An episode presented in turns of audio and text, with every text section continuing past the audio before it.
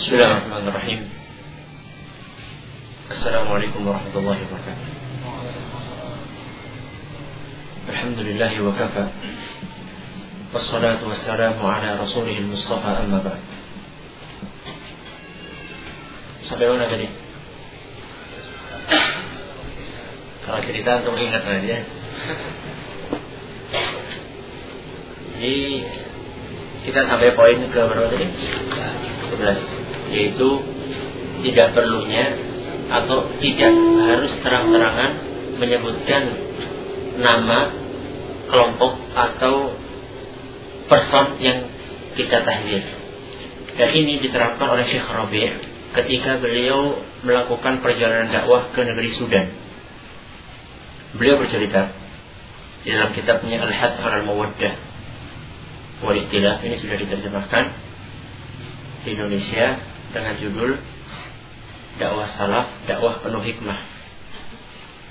Dakwah salaf, dakwah penuh hikmah diterbitkan oleh penerbit Paulan Karima dari Purwokerto. Penerbit ini. Dia bercerita, sesampainya saya di bandara Sudan, para pemuda Ansar Sunnah, yaitu suatu uh, organisasi di Sudan, memberitahukan berkata kepada saya, wahai Syekh, sebelum antum berdakwah saya ingin menyampaikan beberapa hal kepada antum. Kata Syekh, tafadhol, silahkan. Kata pemuda itu, silahkan antum ketika berdakwah menyebutkan apa saja mau masalah tauhid, mau masalah bid'ah, mau masalah syirik, mau masalah uh, sunnah, yang jelas silahkan sebutkan, tapi jangan sampai engkau menyinggung tarekat Tijaniyah. Menyebutkan nama apa? Tarekat Tijaniyah. Dan jangan sampai antum mencaci maki tokoh-tokoh mereka. Karena di sana yang tarekat yang paling besar adalah tarekat apa? Tijaniyah. Kata beliau, oh iya, tidak apa Betul. Akhirnya kata Syekh saya mengikuti anjuran mereka. Katanya, wallahi, ketika saya meniti jalan ini, metode ini, yaitu kita bicara masalah tauhid, tanpa bicara masalah syirik itu semuanya dibahas, tanpa sama sekali menyinggung tarekat Tijaniyah. Wallahi katanya, setiap saya masuk ke dalam masjid untuk ngasih ceramah, setelah ngasih ceramah, anak nggak bisa keluar dari masjid. Karena semua jamaah masjid berusaha untuk salaman dan mencium serta mendoakan syekh. Kemudian kata beliau, satu masjid, dua masjid, tiga masjid, dan hampir rata-rata semua masjid seperti itu sambutan dari masyarakat Sudan. Akhirnya pentolan tarekat sufi yang ada di sana paham bahwasanya ini adalah ancaman yang sangat apa? Ya sangat berbahaya. Maka akhirnya mereka melakukan suatu makar untuk mengundang Syekh Robi mengadakan ceramah di satu lapangan besar. Kemudian setelah itu mereka ngasih ceramah. Akhirnya pada hari yang ditentukan Syekh Rabi menyanggupi beliau memberikan ceramah masalah tauhid, masalah syirik, masalah ini sebagainya selesai naik pentolan mereka.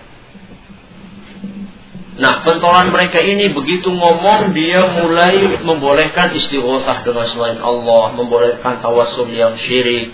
Kemudian pendek kata dia berusaha untuk membantah semua apa yang dikatakan oleh Syekh Rabi. Ketika dia ngomong, dia yang dia bawakan adalah perkataan Sokrates, perkataan orang-orang yang gak jelas, hadis-hadis doi, hadis-hadis mudhu. Akhirnya, setelah dia selesai, Syekh Robi berdiri. Wahai para jamaah sekalian, para hadirin sekalian. Apakah kalian semua mendengarkan bahwasanya orang tadi itu membawakan firman Allah dan firman dan sabda Rasulnya Shallallahu Alaihi Wasallam? Mereka semuanya menjawab enggak. Yang dibawakan oleh orang tadi hanyalah perkataan-perkataan orang-orang yang kalian anggap sebagai orang yang khurafat. Socrates itu kan orang pemikiran filsafat. Kemudian dia nggak membawakan hadis-hadis yang sahih, yang dia bawakan adalah hadis-hadis yang dhaif dan palsu. Akhirnya orang yang tadi sufi tadi bantah memba, apa, gantian membantah Syekh Robi dengan mencaci maki Syekh Robi dengan kata-kata yang kotor. Saya itu jawaban Syekh hanya mengatakan jazakallah khair, barakallah fiik, jazakallah khair, barakallah fiik, selesai. Kata Syekh Robi, wallahi katanya, besoknya hari keesokan harinya di pasar-pasar dan di masjid-masjid orang-orang Sudan pada ngomong bahwasanya kemarin orang sufi kalah. Kemudian setelah itu beliau melakukan perjalanan ke beberapa kota yang lain, kota Kasala, kemudian Ghatarif, dan ketika sampai di Ghatarif, mereka masuk ke dalam masjid-masjid. Setelah masuk beberapa masjid, ada seorang pemuda juga Ansar Sunnah yang mengatakan, Syekh, tinggal satu masjid yang belum bisa kita masuki. Loh kenapa? Di sana adalah merupakan markasnya Tarikat Tijaniyah. Dan mereka sangat fanatik terhadap tarekat mereka. Khair insya Allah kata. Akan kita coba. Nanti kita akan sholat di sana dan kita minta izin. Mau ngomong. Kalau misalnya dibolehkan silahkan. Kalau nggak dibolehkan ya kita akan pulang. Tapi jangan maksa. Kata beliau. Benar. Akhirnya mereka sholat maghrib. Setelah sholat maghrib, Syekh minta izin kepada imamnya. Imamnya jelas pembesar tarekat Tijaniyah. Boleh nggak saya ceramah di sini? Oh silahkan. Kan tamu kan nggak enak kan? Kamu dari Arab lagi, dari Saudi ini kan Sudan. Dari Madinah atau dari Mekah ini kan kota suci, nggak mungkin dia nolak. Akhirnya diperbolehkan. Nah ketika dia Syekh berbicara masalah tauhid, maksudnya sempat menyinggung suatu hadis perkataan Aisyah yang mengatakan bahwasanya barang siapa yang mengatakan bahwasanya Rasulullah Shallallahu Alaihi Wasallam telah melihat Allah di dunia dengan mata kepalanya dalam keadaan sadar berarti dia telah berdusta dengan kedustaan yang besar perkataan Aisyah di dalam hadis riwayat Bukhari dan Muslim. Di tengah-tengah ceramah beliau bicara masalah ini. Langsung orang tadi wallahi sesungguhnya Muhammad sallallahu alaihi wasallam telah melihat Allah dengan mata kepalanya di dunia. Kata Surabi, khair. Anak kira Aisyah lebih tahu tentang kondisi Nabi daripada antum. Kalau misalnya Aisyah tahu, kenapa kok nggak ada? Kenapa kok Aisyah berkata seperti ini? Akhirnya mencaci maki senjatanya orang tuh kalau lagi kalah kan kayak gitu. Terci maki akhirnya kata saya isbir ya sabar sabar sabar. Tunggu sampai anak selesai jawaban. Nanti antum tanya lagi silahkan. Kalau bisa anak jawab anak jawab. Kalau nggak bisa antum kalau nggak bisa anak jawab anak katakan wallahu alam. Akhirnya kata saya anak melanjutkan lagi untuk ceramah. Dan anak sengaja nggak ngelihat orang tadi. Ceramah sampai ada isya azan komat. Nah, ketika komat itu Syekh Robi didorong untuk apa? Untuk jadi imam. La la la la la. Biar imam antum aja yang imami. La wallahi ya Syekh, antum harus jadi imam. Dipaksa sama makmumnya. Akhirnya betul. Syekh Robi sholat, bisa sama mereka, kemudian keluar. Nah, ketika keluar, Syekh Robi tanya kepada jamaah Ansar Sunnah yang bersama beliau, mana tadi imamnya kok nggak kelihatan? Kata orang-orang jamaah Ansar Sunnah, dia diusir. Siapa yang usir? Jamaahnya sendiri. Kata beliau, itulah yang terjadi wahai saudara-saudaraku. Kata Syekh Rabi. Singkatnya, kalau misalnya kita berdakwah di hadapan mereka dan kita membodoh-bodohkan tarekat tijaniyah di hadapan mereka, mereka nggak akan cukup mengusir kita, bahkan mereka akan memenggal leher kita. Kata beliau seperti itu. Maka ini pentingnya lemah lembut dan hikmah di dalam berdakwah. Contoh nyata. Bahwasanya berdakwah ketika kita ingin mentahdir dari ahlul bid'ah dan saya itu tidak membutuhkan untuk menyebutkan nama maka tidak perlu disebutkan nama. Dan tadi sudah Anda sampaikan kapan kita boleh menyebutkan apa? Nama dan silahkan yang tadi nggak datang bisa dilihat di makalah. Sekali lagi di sini kita bukan sedang melarang untuk mentahlil dengan menyebutkan nama. Karena Rasulullah SAW pun pernah mentahlil dengan menyebutkan nama. Karena sebagian orang sekarang ada yang mengatakan nggak boleh antum itu menyebutkan nama. Karena ada hadis-hadis yang melarang gini gini gini. Kita katakan seakan-akan antum lupa atau pura-pura lupa bahwasanya ada juga hadis yang menunjukkan bolehnya menyebutkan na nama ketika tahlil. Jadi sekarang adalah kapan kita menyebutkan nama dan kapan tidak. Kita harus hikmah dalam hal ini. Contoh kedua belas, ketika seorang dai atau ustadz salafi diundang untuk misi di masjid ahlul bidah, dia boleh memenuhi undangan tersebut. Seandainya ada catatannya, tidak menimbulkan fitnah dan diharapkan ada maslahat. Ini penting karena ada sebagian orang yang e, caranya untuk menjatuhkan atau mentahlir dari saudaranya caranya adalah karena fulan ngisi di misalnya masjidnya orang IM misalnya atau ngisi di masjidnya orang NU misalnya atau ngisi di masjidnya orang ini misalnya. Ini yang seperti ini itlak secara mutlak hukum seperti ini keliru. Karena sebenarnya hukum asalnya adalah boleh kalau memenuhi syarat-syaratnya. Allah Subhanahu wa taala berfirman, "Wa ta'awanu 'alal birri wat taqwa." Dan saling tolong menolong kalian di dalam kebaikan dan ketakwaan. Dan saling tolong menolong atau bekerja sama dengan ahlul bid'ah sekalipun seandainya memenuhi syarat-syarat maka akan termasuk ke dalam firman Allah Ta'ala tadi. Apa syaratnya? Ada empat. Yang pertama adalah bekerja sama dengan ahlul bid'ah akan dianggap termasuk bekerja sama yang dibolehkan di dalam agama Islam seandainya memenuhi berapa syarat? Empat. Yang pertama, kerjasamanya dalam perkara yang hak Bukan kerjasama misalnya memberontak kepada pemerintah. Ini jelas nggak boleh. Kerjasama yang contohnya kerjasama memberikan pengajian, misalnya baca kitab tauhid. Ini benar, nggak apa-apa. Syarat yang kedua, mempertimbangkan masalah dan madarat. Besar mana masalah sama madaratnya? Besar kita penuhi undangannya atau tidak?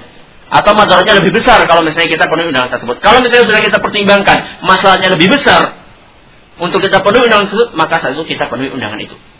Seandainya tidak, maka tidak. Yang ketiga, ahlul bid'ah tadi tidak memanfaatkan kerjasama ini untuk menyebarkan bid'ah mereka.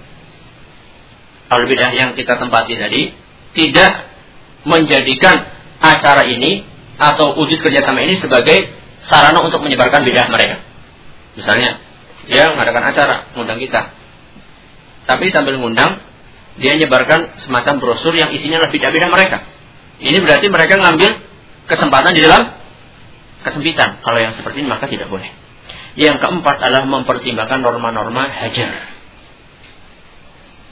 Artinya orang ini layak dihajar atau enggak.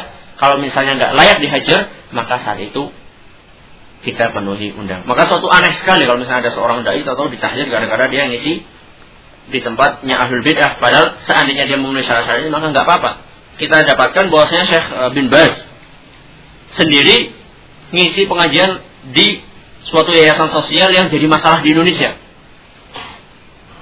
namanya kata-katakan yayasan Ihya Turah Syekh bin Baz ngisi lewat telepon pengajian yayasan Ihya Turah apakah beliau ditahdir gara-gara ngisi seperti ini kalau memenuhi syarat-syarat tadi enggak Kemudian Syekh Utsaimin juga mengisi pengajian di hadapan pramuka, pramuka Saudi. Asal tahu aja pramuka Saudi itu rata-rata dipegang sama orang-orang pergerakan. Apakah kemudian Syekh Utsaimin jadi sururi karena beliau ngisi di tempatnya orang-orang pramuka? Enggak. Termasuk juga tadi contoh yang barusan lewat apa? Hah? Syekh Romi sendiri ngisi di masjidnya orang-orang apa? Orang Tijani itu lebih parah ya, khi. Orang-orang Tijani mereka itu mempunyai namanya salawat fatih. Ya, salawat fatih itu salawat yang kalau baca ini pokoknya sudah lah kayak dapat tiket masuk surga udah. Enak banget membaca salawat kayak gitu masuk surga. Inilah contoh, maka keliru sekali. Seandainya itu dijadikan sarana tanpa memperhatikan norma-norma uh, yang saya sebutkan tadi untuk mentahdir seseorang. Yang ketiga belas, mengamalkan hal-hal yang biasa dikerjakan masyarakat. selama diperbolehkan dalam agama. Tujuannya apa? Tujuannya adalah untuk menarik hati masyarakat. Kalau misalnya mereka biasa melakukan itu, kita kerjakan itu. Selama tidak menyelisih apa? Syariat. Selama perkara, perkara itu boleh. Nanti akan anak kasih contoh banyak. Bahkan di dalam Islam boleh seseorang meninggalkan amalan yang afdol, ngambil yang nggak afdol dengan tujuan apa? Menarik hati masyarakat. Wah, kalau kayak gitu, apa dalilnya? Dalilnya adalah sabda Nabi Shallallahu Alaihi Wasallam, laula hadatsatu ahdi qaumika bil kufur lanaqattul Ka'bah wa la ja'altuha ala asasi Ibrahim. Wahai Aisyah, kalau bukan karena kaum kamu orang-orang Quraisy baru masuk Islam, niscaya Ka'bah itu akan apa? Akan anak hancurkan, kemudian anak bangun seperti pondasinya Nabi Ibrahim. Di dalam hadis ini Nabi Shallallahu Alaihi Wasallam mengatakan bahwasanya sebenarnya Ka'bah ini afdolnya dibangun kayak pondasinya Nabi siapa? Ibrahim. Cuman sekarang itu karena orang Quraisy itu kehabisan duit, akhirnya dibangunnya nggak seperti apa? Pondasinya Nabi Ibrahim. Berarti yang afdol yang mana? Yang kayak pondasinya Nabi Ibrahim. Kenapa ditinggalkan oleh Rasulullah SAW yang afdol ini? Kemudian beliau lebih cenderung untuk membiarkan yang gak afdol ini. Karena dengan tujuan untuk menarik hati apa? Hati orang-orang Quraisy. Takutnya nanti kalau misalnya dia maksakan diri untuk mengerjakan yang afdol ini, takutnya nanti orang Quraisy malah apa? Malah kafir lagi, malah murtad. Ini dalil salah satu dalil yang menjelaskan hal tersebut. Dan banyak perkataan para ulama yang menunjukkan hal itu. Anda sebutkan di sini perkataan Imam Zailai dari kalangan mutaqaddimin, kemudian dari kalangan muasirin, uh, yang hidup di abad ini anak bawakan perkataan mufti Saudi yaitu Muhammad Syekh Muhammad bin Ibrahim. Kemudian juga Syekh Muhammad bin Hadi Al-Madkhali anak bawakan di sini perkataannya. Sekarang anak akan bawakan contoh-contoh amalan-amalan yang bisa kita kerjakan untuk menarik hati masyarakat. Yang pertama masalah pakaian. A. Masalah pakaian. Seyogyanya kita salafiyun. Gak usah tampil beda dengan pakaian yang ada di masyarakat. Karena yang disunahkan di dalam agama Islam adalah dalam masalah pakaian kita menyesuaikan dengan pakaian yang ada di negeri kita, di masyarakat kita. Dan ini disebutkan banyak ulama. Masalah pakaian kembalinya ke dalam adat, bukan kembali ke dalam harus pakai pakaian misalnya jubah, harus pakai pakaian Pakistan, harus pakai topi putih, enggak. Tapi kembalinya kepada apa? apa yang ada di masyarakat dia. Dan ini disebutkan oleh Ibnu Qayyim, disebutkan oleh Ibnu Aqib, disebutkan oleh Abdul Qadir Jailani, disebutkan oleh Safari ini dan termasuk disebutkan oleh Syekh Utsaimin. Karena semuanya mungkin perkataan mereka di dalam makalah anak. Itu yang sunnahnya. Termasuk juga Syekh Bakar Abu Zaid. Jadi ketika kita pulang kampung, orang kampung kan nggak tahu apa-apa. Mereka biasa pakai yang pakai sarung itu sudah biasa sekali. Tahu-tahu kita pulang-pulang habis ngaji pulang pakai jubah pakai saup itu yang panjang sampai ke bawah. Itu kan di kampung kan pakaiannya cewek kan. Mereka tahunya itu adalah daster. Iya kan? Sekarang kalau misalnya kita pulang kampung kayak gitu, apakah nggak menyebabkan mereka itu justru lari dari kita? Pertama, itu nggak nyunah. Karena yang sunnah adalah kita mengikuti apa? Mengikuti apa yang ada di masyarakat. Yang kedua, yang nggak nyunah itu mengakibatkan orang lah lari. Jadi mengumpulkan dua keburukan. Termasuk juga masalah topi kayak gini misalnya. Di masalah kita nggak biasa pakai topi putih. Biasanya pakai apa? Peci nasional. Nggak apa-apa. Orang kira, oh kok ada ya salafi pakai kayak gitu? Nggak apa-apa. Anak kalau di rumah pakai kayak gitu anak. Cuma di sini aja nanti umumnya di sini nggak pakai itu. Makanya nggak ikut aja. Tapi kalau di rumah umumnya adalah pakai peci hitam. Anak pakai itu. Jadi kita berusaha untuk tidak membedakan diri dari masyarakat. Tapi bukan berarti kita nggak boleh pakai gamis. Karena nanti dikatakan aja dikira nggak boleh pakai gamis. Karena pakaian yang paling dicintai oleh Rasul SAW adalah gamis. Bukan berarti kita nggak boleh pakai gamis. Kita boleh pakai gamis seandainya daerah kita emang di situ tersebar pakaian apa? Gamis, silakan. Nggak apa-apa pakai seperti itu. Atau misalnya di daerah atau misalnya saat itu kita ya paling gampangnya ya, paling enaknya adalah kalau misalnya kita sholat pakai sarung. itu sudah paling apa? Sudah paling luas, leluasa gitu. Paling leluasa buat kita. Karena apa? Karena dari satu sisi sarung itu lebih apa? Lebih menutup aurat.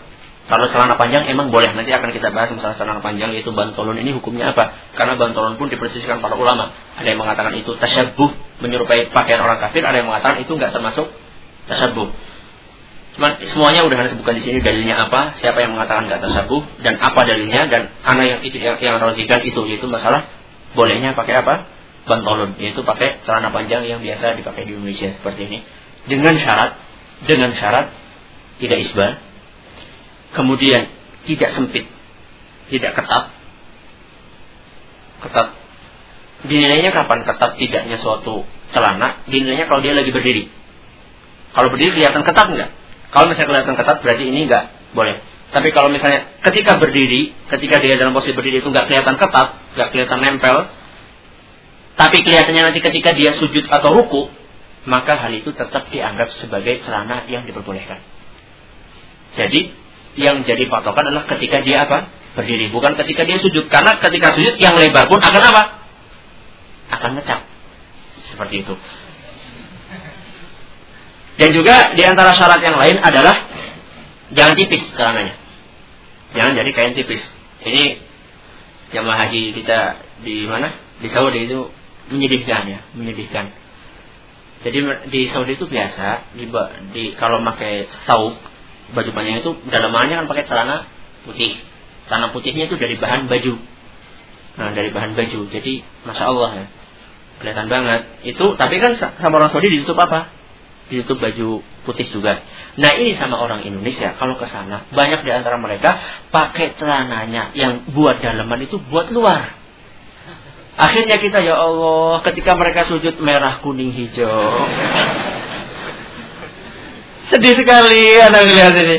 Ya Allah. Tapi ya begitulah orang awam. Maka itu salah satu syaratnya adalah nggak boleh apa? Nggak boleh transparan. Silahkan. Nanti masalah apa dalilnya yang bolehkan bantolun yaitu tanah panjang ini semua anda sebutkan di sini karena waktunya nggak memungkinkan. Kemudian siapa ulama-ulama yang membolehkan anda sebutkan di sini. Dengan catatan sebaiknya sebaiknya kalau kita sholat dan kita memakai celana panjang sebaiknya kita memakai baju yang bisa menutupi uh, apa pantat kita. Supaya lebih tertutup aurat kita ketika sholat sholat. Entah itu pakai sarung, entah itu pakai baju yang agak panjang, bukan sekedar pakai baju koko sehingga nanti ketika sujud pantat kita kelihatan ngecat. Itu seperti itu. Ini sebaiknya, sebaiknya nggak nggak diwajibkan. Karena sebagian ulama mengatakan hukumnya sah. Sholat itu hukumnya tetap sah, cuman makruh. Cuman makruh.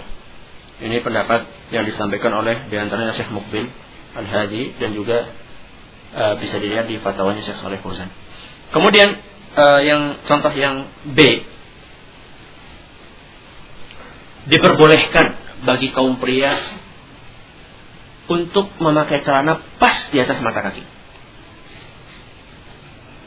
Dan nggak harus sampai pertengahan betis. Termasuk sarung. Dalilnya ada hadisnya sudah saya bawakan di sini hadisnya sahih Perkataan para ulama juga anda sebutkan perkataan Syekh Utsaimin di sini dan juga perkataan Syekh Bakar Abu Zaid antum bisa rujuk di sini semuanya yang mengatakan bolehnya hal tersebut. Dari satu sisi hal tersebut akan menarik hati masyarakat. Lawong. Nah, kita saja kalau misalnya memakai celana di atas mata kaki itu kan sudah jadi apa? Jadi tontonan masyarakat kan. Apalagi kalau misalnya kita naikkan sampai betis kita pakai celana aja di atas mata kaki itu sudah jadi pandangan miring bagi masyarakat. Apalagi kalau misalnya kita naikkan sampai ke pertengahan betis. Bagi masyarakat yang sangat awam. Termasuk masalah sarung. Ketika kita berhadapan dengan masyarakat yang sangat awam. Mereka akan lihat, ih kok tinggi banget ya sarungnya. Kenapa ya? Nah, pikirnya udah macam-macam. Teroris atau apa dan sebagainya. Padahal kita kan bantah orang-orang teroris. Masa dikutuk teroris? Jadi itu adalah suatu hal yang cukup penting, kita harus mempertimbangkan masalah dan mafsadah. Kita nggak mengingkari bahwa itu hukumnya sunnah.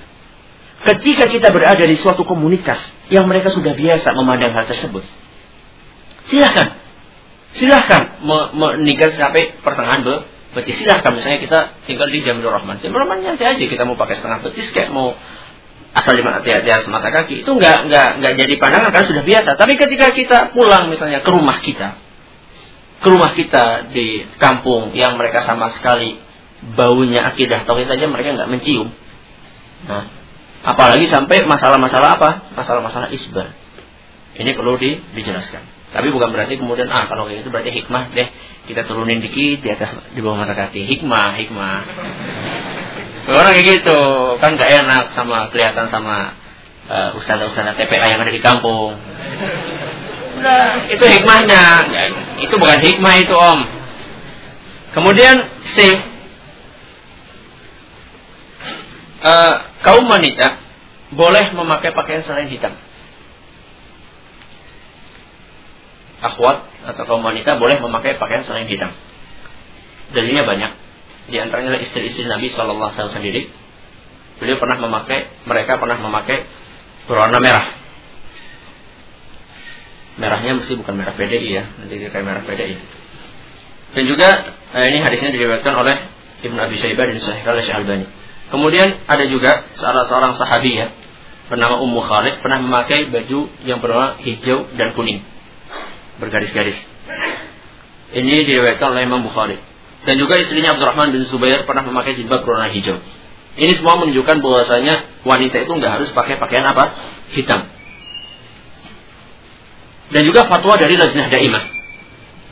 Yang ditangan, yang ditandai oleh Syekh bin Bas, oleh uh, Syekh Hudayyan, oleh Syekh Abdul Razak Afifi, Syekh Abdul Qu'ud, mereka mengatakan boleh bagi wanita untuk memakai selain hitam. Termasuk Syekh Albani sendiri mengatakan boleh memakai selain hitam. Jadi nggak harus ya. Karena sebagian akhwat memandang bahwasanya harus pakai hitam. Enggak, enggak harus. Enggak harus memakai hitam. Anak pernah ya, pengalaman pribadi.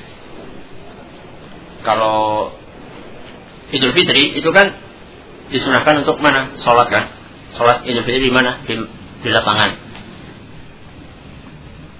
Untuk abang sunnah itu istrinya juga suruh keluar.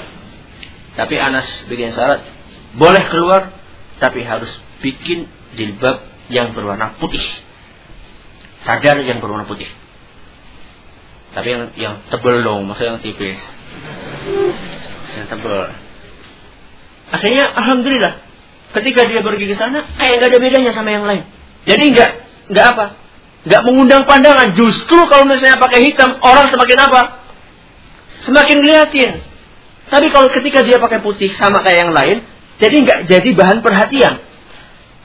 Kalau dia pakai hitam, yang lainnya putih, tahu-tahu hitam, kayak ada iklan semuanya merah, tahu-tahu ada yang hijau. yang seperti ini, itu justru kita pengennya orang nggak ngeliat istri kita, malah jadi istri kita jadi ton tontonan. Jadi boleh seorang wanita itu memakai pakaian selain hi, selain hitam. Kemudian D. Contoh D. Seorang ikhwah yang ingin menjadi imam di suatu masjid yang biasanya bacaan basmalahnya di dalam surat Al-Fatihah itu dikeraskan. Iya kan? Ada kan? Banyak. Itu dia boleh untuk mengeraskan dengan tujuan untuk menarik hati masyarakat. Yang kita pelajari afdolnya adalah dengan suara yang apa? Sir, nggak keras. Tapi boleh untuk mengeraskan. Dalilnya ada saya sebutkan di sini, hadisnya sahih. Dan perkataan ulama juga ada, baik ulama mutaqaddimin yang terdahulu maupun sekarang, di antaranya Ibnu Khuzaimah, Ibnu Qayyim, Az-Zailani, ini mutaqaddimin. Dan juga ada mutakhirin, ada juga cuman belum ada nukilkan di sini di antaranya perkataan Syekh Mukbil sendiri dan juga Syekh uh, Ahmad An-Najmi. Itu semuanya boleh. Mungkin kita mau ah apa sih cuma sekedar bismillah aja masa jadi masalah eh atau belum tahu yang belum terjun ke masyarakat itu masalah sekecil itu itu jadi masalah yang besar di masyarakat kita nggak tahu karena belum merasakan ketika kita suatu ketika sholat di situ dan biasa imamnya bacanya Bismillahirrahmanirrahim Alhamdulillah kayak itu tahu-tahu kita langsung Alhamdulillahirobbil alamin sebagian mereka meyakini sholatnya nggak sah dan harus diulangi jadi bukan suatu hal yang remeh kita mungkin biasa aja. Tapi sebagai orang fanatik banget. Maka saat itu kita boleh untuk mengeraskan basmalah kita memang karena memang ada hadisnya. Nah, meskipun lebih afdolnya adalah di, disirkan. Karena itu yang lebih banyak dikerjakan oleh Rasulullah Shallallahu Alaihi Wasallam. Eh, bagi ikhwah yang menjadi imam sholat raweh di masjid yang biasa sholatnya empat empat tiga maka dia boleh mengikuti empat empat tiga. Dan tidak harus saat itu merubah menjadi dua dua dua dua dua satu. Karena yang afdolnya adalah dua dua dua dua satu. Kalau yang empat empat tiga ini ada hadis yang menunjukkan hal tersebut hadisnya adalah riwayat uh, riwayat Bukhari dan Muslim menunjukkan hal tersebut Cuman yang lebih afdolnya adalah dua dua dua dua sebagaimana disebut oleh para ulama karena itu adalah dari sabda Nabi. Salatul laili masna masna. Tapi ada hadis yang mengatakan bahwasanya summa yusolli arba'an fala tas'al an husnihinna wa tulihinna summa yusolli arba'an fala tas'al an husnihinna wa tulihinna summa yusolli salatan. Empat, empat, tiga. Ini ada hadisnya juga. Meskipun sebagian ulama memahami nggak seperti itu. Tapi Imam Nawawi mengatakan hadis menjelaskan bolehnya sholat empat tiga. Jadi nggak nggak usah memaksakan diri ketika kita baru pulang uh, sini udah ngaji di mahat ilmi misalnya bacanya sudah bagus pengen menerapkan hal ini itu juga jangan terlalu ngotot kalau misalnya nanti akan mengakibatkan mafsadah yang lebih besar mereka akan lari dari kita F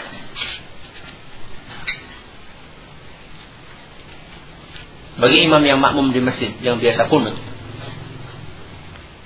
subuh dia boleh mengangkat mengangkat tangan mengamin wah kok aneh saya Utsaimin berkata, lihatlah para imam kaum muslimin. Mereka benar-benar memahami nilai-nilai persatuan. Imam Ahmad berpendapat bahwa kunut sholat subuh adalah bid'ah. Meskipun demikian beliau berkata, jika engkau sholat di belakang imam yang kunut, maka ikutilah kunutnya. Dan ambillah doa imam tersebut. Ini juga fatwanya Syekh Abdul Muhsin Al-Ambad. Loh, kan kita menganggap hadisnya dhaif.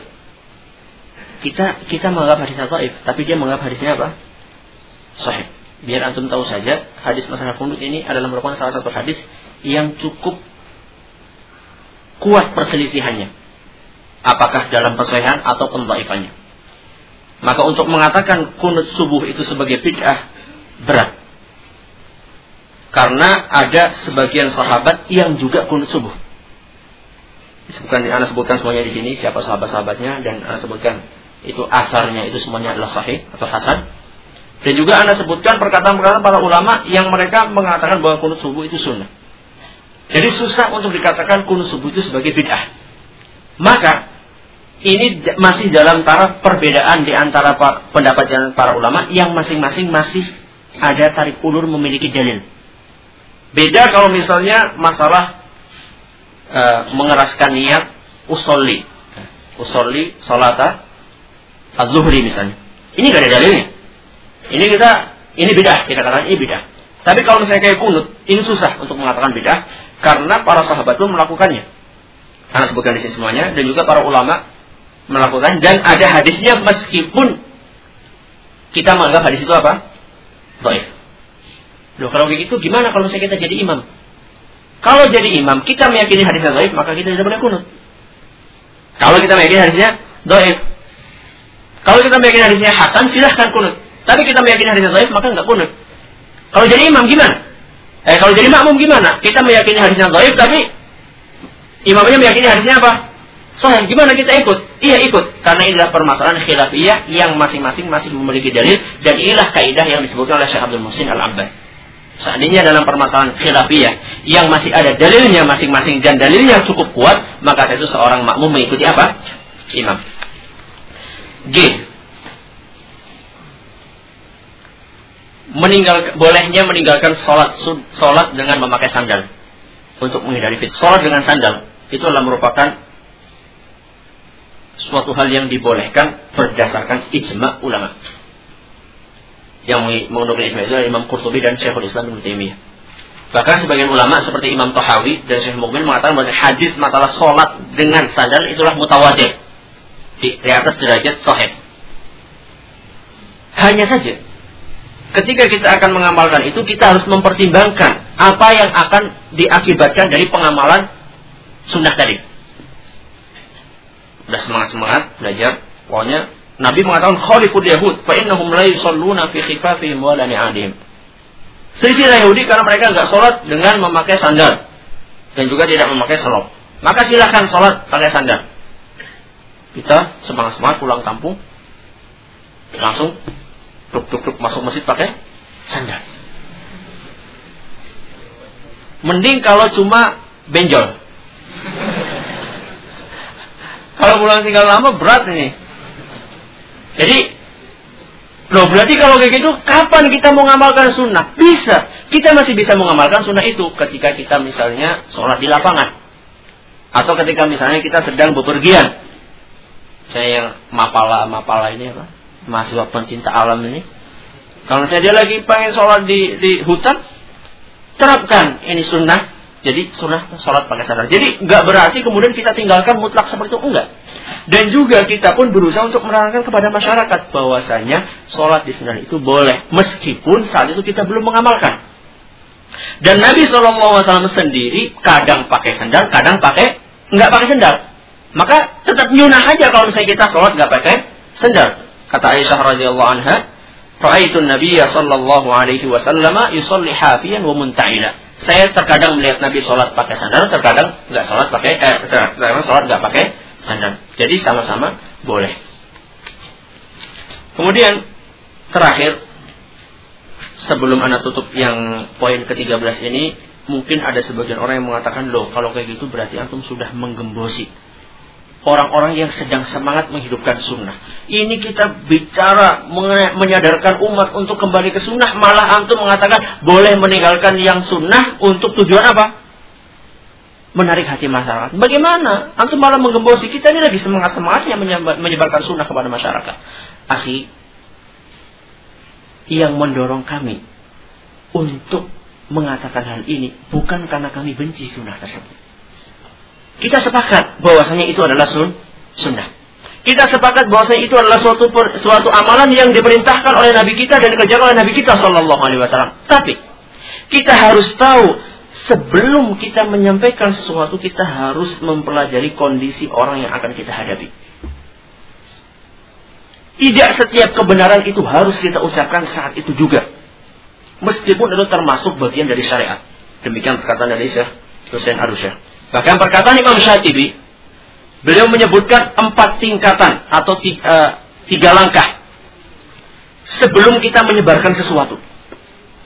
Kata Imam Syatibi, wadhabituhu أَنَّكَ تَعْرِضُ مَسْأَلَتَكَ 'ala syariah.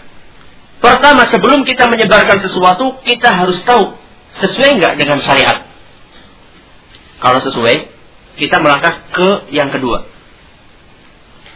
Fanzur fi ma'aliha bin nisbati ila haliz zamani wa ahli.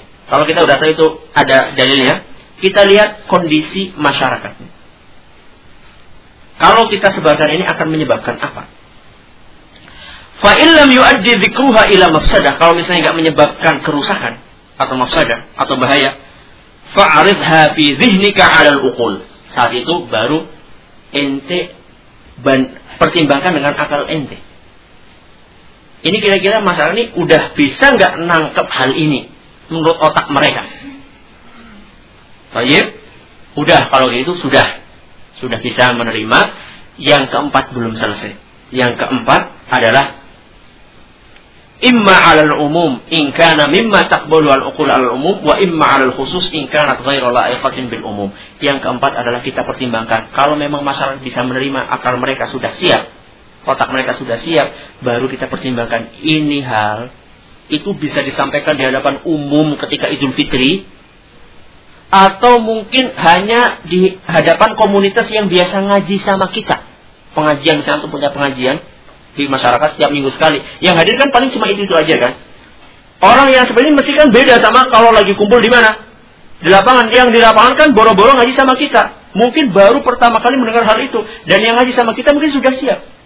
Jadi ada empat langkah kalau kita mau menyebarkan sesuatu, kita harus tahu empat langkah ini sudah dipenuhi atau belum. Kalau tidak kata beliau fa illam yakun li mas'alatika hadzal huwa al-jari ala wifq al-maslahat syar'iyyah wal aqliyah seandainya saat itu enggak sesuai dengan empat tingkatan tadi maka lebih baik diam. Karena itulah yang lebih sesuai dengan maslahat syariat dan maslahat secara akal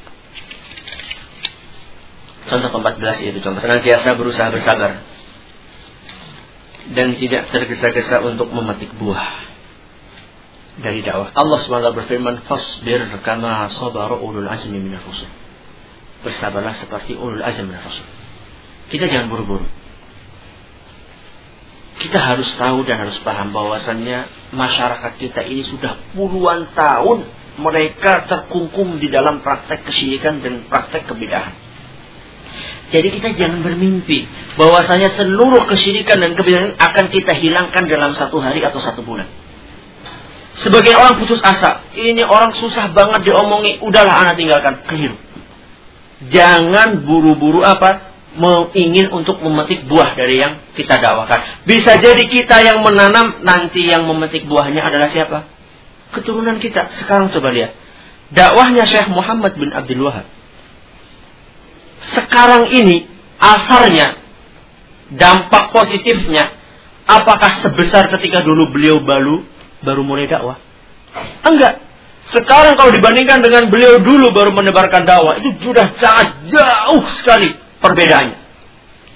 Sangat luas, begitu pula dakwahnya Syekh Mukbil. Saya Mukbil dakwahnya dulu masih di, di, di sekeliling Yaman. Tapi setelah beliau meninggal, ketika murid-muridnya menyebar ke mana-mana, ke Eropa, ke Afrika, ke Asia, ke Australia, Lihatlah bagaimana asar dakwah beliau. Jadi kita jangan buru-buru, ah anak udah dakwah setahun, dua tahun kok nggak ada yang ngaji sama anak. Sabar ya. Fasbir kama sabar urul azmi minyak rusul. Nabi Nuh berapa tahun? 950 tahun. Ini baru berapa tahun? Setahun aja nggak nyampe. Terakhir sebagai penutup, ini adalah apa yang dapat Anda sampaikan dan Anda berusaha ini adalah berdasarkan ilmu karena tadi kan kita menyebutkan bahwasanya pilar hikmah itu ada berapa? Tiga. Ilmu bijaksana tidak tergesa-gesa. Yang paling penting adalah ilmu. Ilmu adalah Quran dan hadis dengan pemahaman para sahabat Nabi Shallallahu Alaihi Wasallam dan apa yang anak sampaikan tadi, anak usahakan setiap yang anak sampaikan berdasarkan Quran dan hadis. Seandainya ketika nanti kita mengamalkan apa yang sudah disampaikan di sini, kemudian ada sebagian orang yang menuduh kita sebagai pengekor bid'ah. Bukan termasuk ahlu sunnah. Maka kalau kita benar-benar yang kita jalani adalah sesuai dengan kitab dan sunnah kita akan tetap berada di dalam lingkaran ahlu sunnah meskipun orang-orang menuduh kita sebagai pengekor bid'ah. Asal yang kita lakukan adalah sesuai dengan kitab dan sunnah. Kita beribadah bukan berdasarkan omongan atau takut dengan cacian orang. Selama kita meyakini itu adalah sesuai dengan Quran dan hadis dan itulah sesuai dengan yang sesuai dengan hikmah dalam berdakwah, maka setiap orang mau ngomong apa saja kita meyakini hak dan itu memang betul-betul hak, maka sama sekali tidak akan bisa mengeluarkan kita dalam lingkaran ahlu sunnah di mata Allah subhanahu wa ta'ala. Tapi sebaliknya, meskipun orang itu memuji-muji kita habis-habisan mengatakan eh masya Allah ahlu sunnah betul-betul salafi mi'ah fil mi'ah 100%. Tapi kalau misalnya jalan kita nggak sesuai dengan Quran dan hadis dan jalan kita tidak sesuai dengan hikmah di dalam berdakwah, maka tetap kita nggak akan masukkan tidak akan masuk dalam lingkaran ahlu sunnah di hadapan Allah Subhanahu wa taala. Yang penting tidak usah pedulikan banyak omongan kalau tidak ada dalilnya dari Quran dan dan hadis. Wallahu taala alam ingin saya ingatkan di akhir ini bahwasanya masalah ini 14 poin ini Alhamdulillah sudah saya ringkas ke dalam bahasa Arab. Kemudian kami minta beberapa masyayikh di Madinah untuk mengoreksi. Karena keterbatasan ilmu yang kami miliki dan juga pengalaman yang sangat terbatas, karena ingin karena takutnya nanti salah. Jangan-jangan ini bukan termasuk hikmah. Artinya 14 poin ini sudah anak secara ringkas ya, bukan 67 halaman segini enggak. Tapi secara ringkas Anda bawakan di sini uh, dua dua lembar. Ini sudah dikoreksi oleh beberapa mas saya, di antaranya adalah Syekh Ibrahim Rohaili, kemudian Syekh Ali bin Ghazi At-Tuwaijiri, Yang ketiga Syekh Muhammad bin Abdul Wahab Al-Aqil. Yang keempat Syekh Abdul Malik Ramadhani. Yang kelima Syekh Yusuf Dakhil. Yang dan yang keenam adalah Syekh Abu Ibrahim bin Sultan Al-Adnani, pengarang buku Al-Qutbiyah. Alhamdulillah mereka semuanya memberikan masukan dan mendukung tulisan ini. Dan sedianya tulisan ini adalah bab ke-10 dari tulisan yang sedang anak susun yang berjudul menjelaskan sikap. Jadi ini hanya bab yang ke-10. Yang dikoreksi sama Syekh 10 bab. Ini hanya bab yang ke-10. Allah alam kapan Anda bisa menyelesaikan tulisan ini. Sebenarnya Anda nggak ingin disebarkan per bab. Anak inginnya nanti 10 bab langsung jadi tulisan menjelaskan sikap. Sikap judul lengkapnya adalah menjelaskan sikap uh, sikap yang benar di dalam menghadapi problema di dalam barisan ikhwah salafiyin di Indonesia. Sebenarnya anak inginnya uh, satu buku sudah siap untuk disebarkan, tapi berhubung panitia katanya harus ada makalahnya, maka terpaksa dalam tanda petik. Anak uh, sebarkan ini dulu